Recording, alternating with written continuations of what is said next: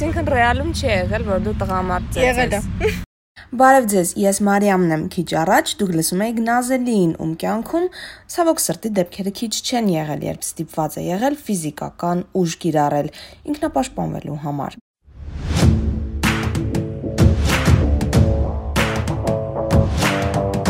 Բայց այսօր դրա համար չենք հավաքվել։ Չնայած եկեք մի փոքր նախաբանտանք։ Ես մարզումներս վերջացնում էի շատ ուշ ու հավաքների էի պատրաստվում այդ ժամանակ Հենց ստացվեց, որ քայլեցինք, շրջեցինք երեխեքով պարապմունքից հետո ամառեշ ու շատ ուշ եկա ասա, կարծեմ 11-ի թե 12-ի կողմերն էր ու տուն հասնելու համար, որ խանութ մտնեի, պետքա այդ գարաժների ու հայատների մեջով։ Ես քայլեցի գարաժների մեջով, սոկ խմելով, նաուշնիկ, նաուշնիկով երբ տեսելով, sense քայլում եմ իմ համար։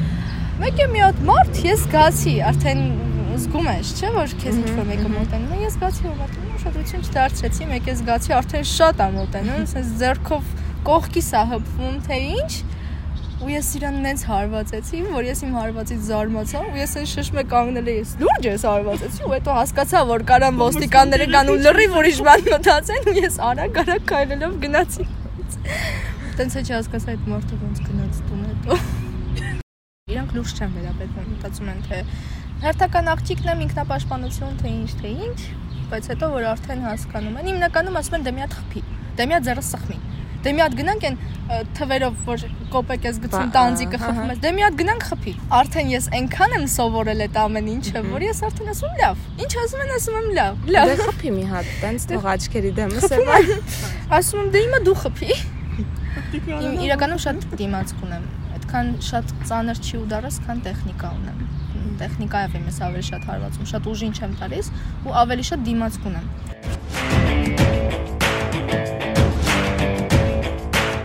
Մարտեր առանց կանոնների շատ վախենալու է հնչում, բայց արի ու տես Նազելին աշխարի բոլոր սպորտաձևերից հենց այս մեկն է ընտրել։ Երեք դու ինձ ասացիր ինչով ես զբաղվում ու ես ամբողջ օրը մտածում էի,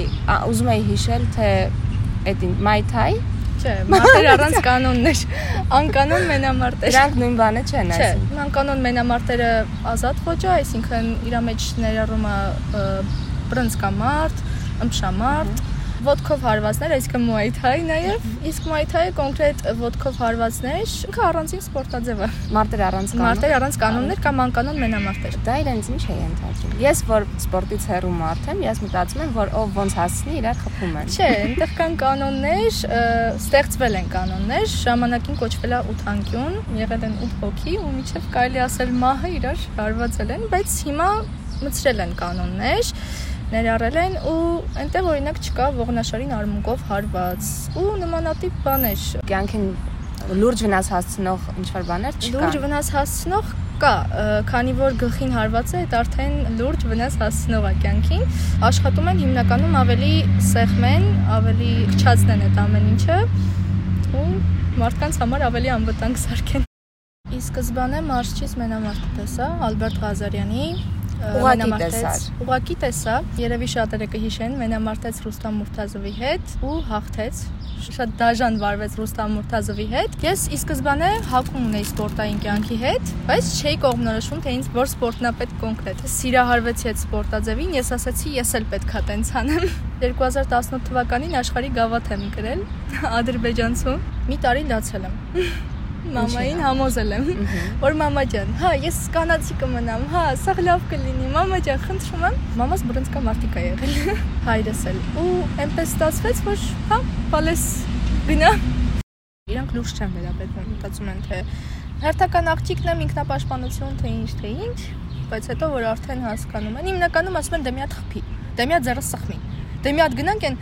թվերով որ կոպեկ ես գցում տանձիկը խփում ես։ Դե մի հատ գնանք խփի։ Արդեն ես այնքան եմ սովորել այդ ամեն ինչը, որ ես արդեն ասում լավ։ Ինչ ասում են, ասում եմ լավ։ Լավ։ Դե խփի մի հատ, տենց թող աչքերի դեմս է Ասում եմ դե հիմա դու խփի։ Իմ իրականում շատ դիմացք ունեմ։ Այդքան շատ ծանր չի ու դարս, քան տեխնիկա ունեմ տեխնիկայով եմ ես ավելի շատ հարվածում, շատ ուժին չեմ տալիս ու ավելի շատ դիմացք ունեմ։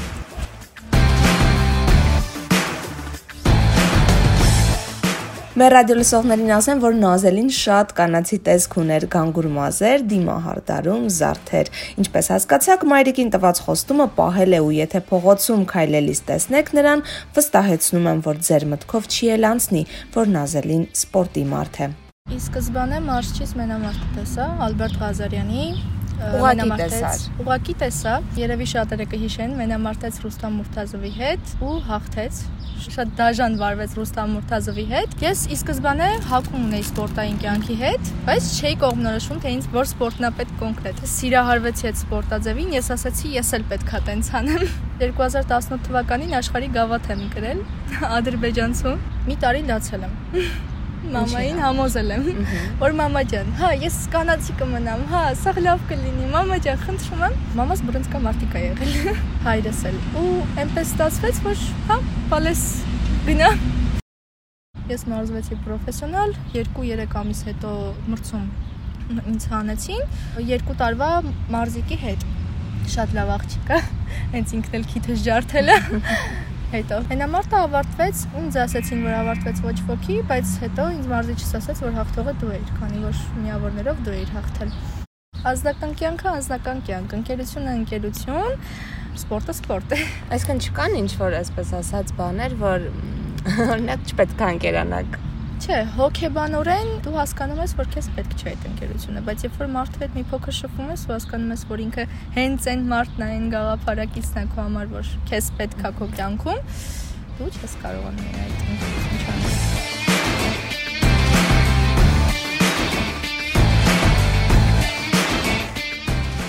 Աղջիկը, ում հետ մենամարտել է Նազելին, ընկերացել են առաջին մենամարտից հետո։ Երկրորդում արդեն ամեն բան փոխվել է։ Կոտրվածքը եղավ կարելի ասել պատահական իմ մեղքով։ Չացրեցի աջ ձեռքս, որպեսզի իրան հարվածեմ, ինքը կողային հարվածով հարվածեց քթիս, այդպես կոտրվեց։ Ինձ հիմա ցույց կտաս դա ոնց է եղել։ Ես սեդան եմ։ Դու սեդան ես, ձեռքդ էսպես արա, էսպես արա։ Ինչի ձեռքս։ Ու այդ պահին ինքը արդեն այստեղից բերում է, ես հիշացրեցի, որ հարված է, ինքը խփեց, ես չասրեցի արդեն ցավից։ Ես ենթագիտակցորեն կամ էլ հարվածեցի, նորմալ չեմ հիշում, բայց ինչքան հիշում եմ, չեմ հարվածել ու արդեն զգացի որ քիթս կոտրվեց ասացի կանգնացրեք մենամարտը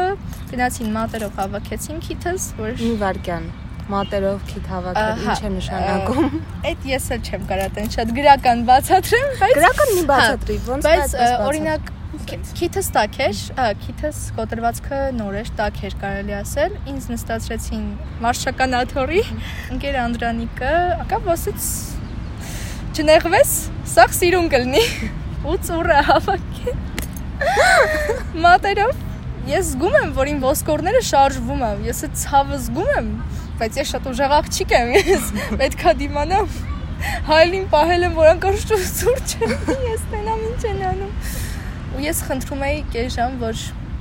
մենակ թե սիրուն անի, բայց դիմային հատվածը դեպի է տանում։ Շատ ինքը նկատելի չի, բայց ի սկզբանե որ ուռած էր, ինքը շատ արտահայտիչ էր։ Զանգել էի մամային ու լացում էի ասում մամ քիթս ջարդել են ասում ինչ ա եղել բոլես ասա գամ ասեմ ասում ցավում ա շատ ա ցավում իրա ասում դրա համար չեմ լացում մրցում չեմ կպնելու պետքա երկրից դուրս գնայի այդ ժամանակ պատրաստվում էի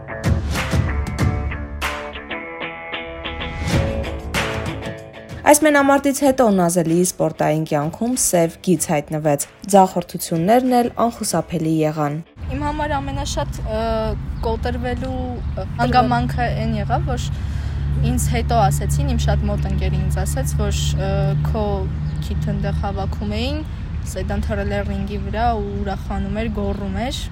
Չհավատացի, հետո որ վիդեոն տեսա, այդ եղավ իմ կոտրվել է։ Հետո ինձ ասեցին, որ մարզիչը ասել է մրցումից առաջ, ասել է հենց այսպես, հենց ճակերտներով ասեմ, նազիկը ինչ բայեցա, որ ուրիշ մարզ չի ես սպորտից հիասթափվեցի, ես փակվել էի մի հատ անկյունում, ոչ հաց էի ուտում, ոչ ջուր էի խմում, այդ բային քաշս շատ ծանր էր ու նիհարեցի 80-ից մինչև 48 կիլոգրամ հետո հիվանդություն եւ այլն եւ այլն, ստրես, դեպրեսիա ու գնացի պարապունքի թուլացած արդեն ստրեսային վիճակով, բայց ես ինքս ինձ մոտիվացիա գտա, որ ոչ մի բան, ոչ մեկ, ոչ մի խոսք չի կարող ինձ խանգարի, որ ես քայլեմ դեպի առաջ, դեպի իմ նպատակը, քանի որ ես կյանքում իմ նպատակները մի կողմ չեմ դնելու ինչ որ մեկի խոսքի, ինչ որ մեկի ցանկության, վատ վերաբերմունքի, այդ ավելի շատ տգիտություն կլինի իմ կողմից։ Ես կոտրված եմ։ Դավաճանություն, ցավ, հիասթափություն, իմ կողքը մենակ իմ ծնողներ, իմ մաման էր, իմ կողքը ուրիշ ոչ մեկ չկար, դատարկություն էր։ Նազելի իսկ ինչքանով է կարևոր, որ մարդու կյանքում երբ ինչ որ ծախրտություններ են լինում, կապ չունի դրանց, այսպես ասած, չափն ու լրջությունը,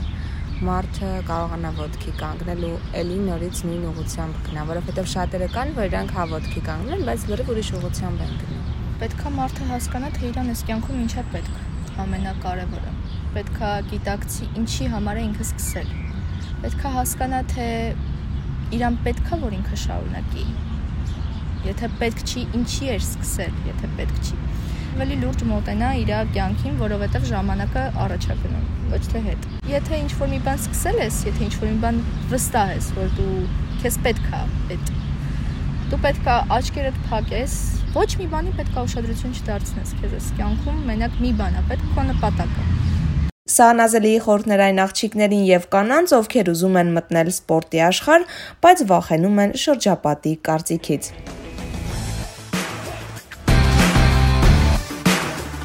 Մինչ նոր եւ թարմ ցախորտություններ կհանդիպենք մյուս շաբաթ։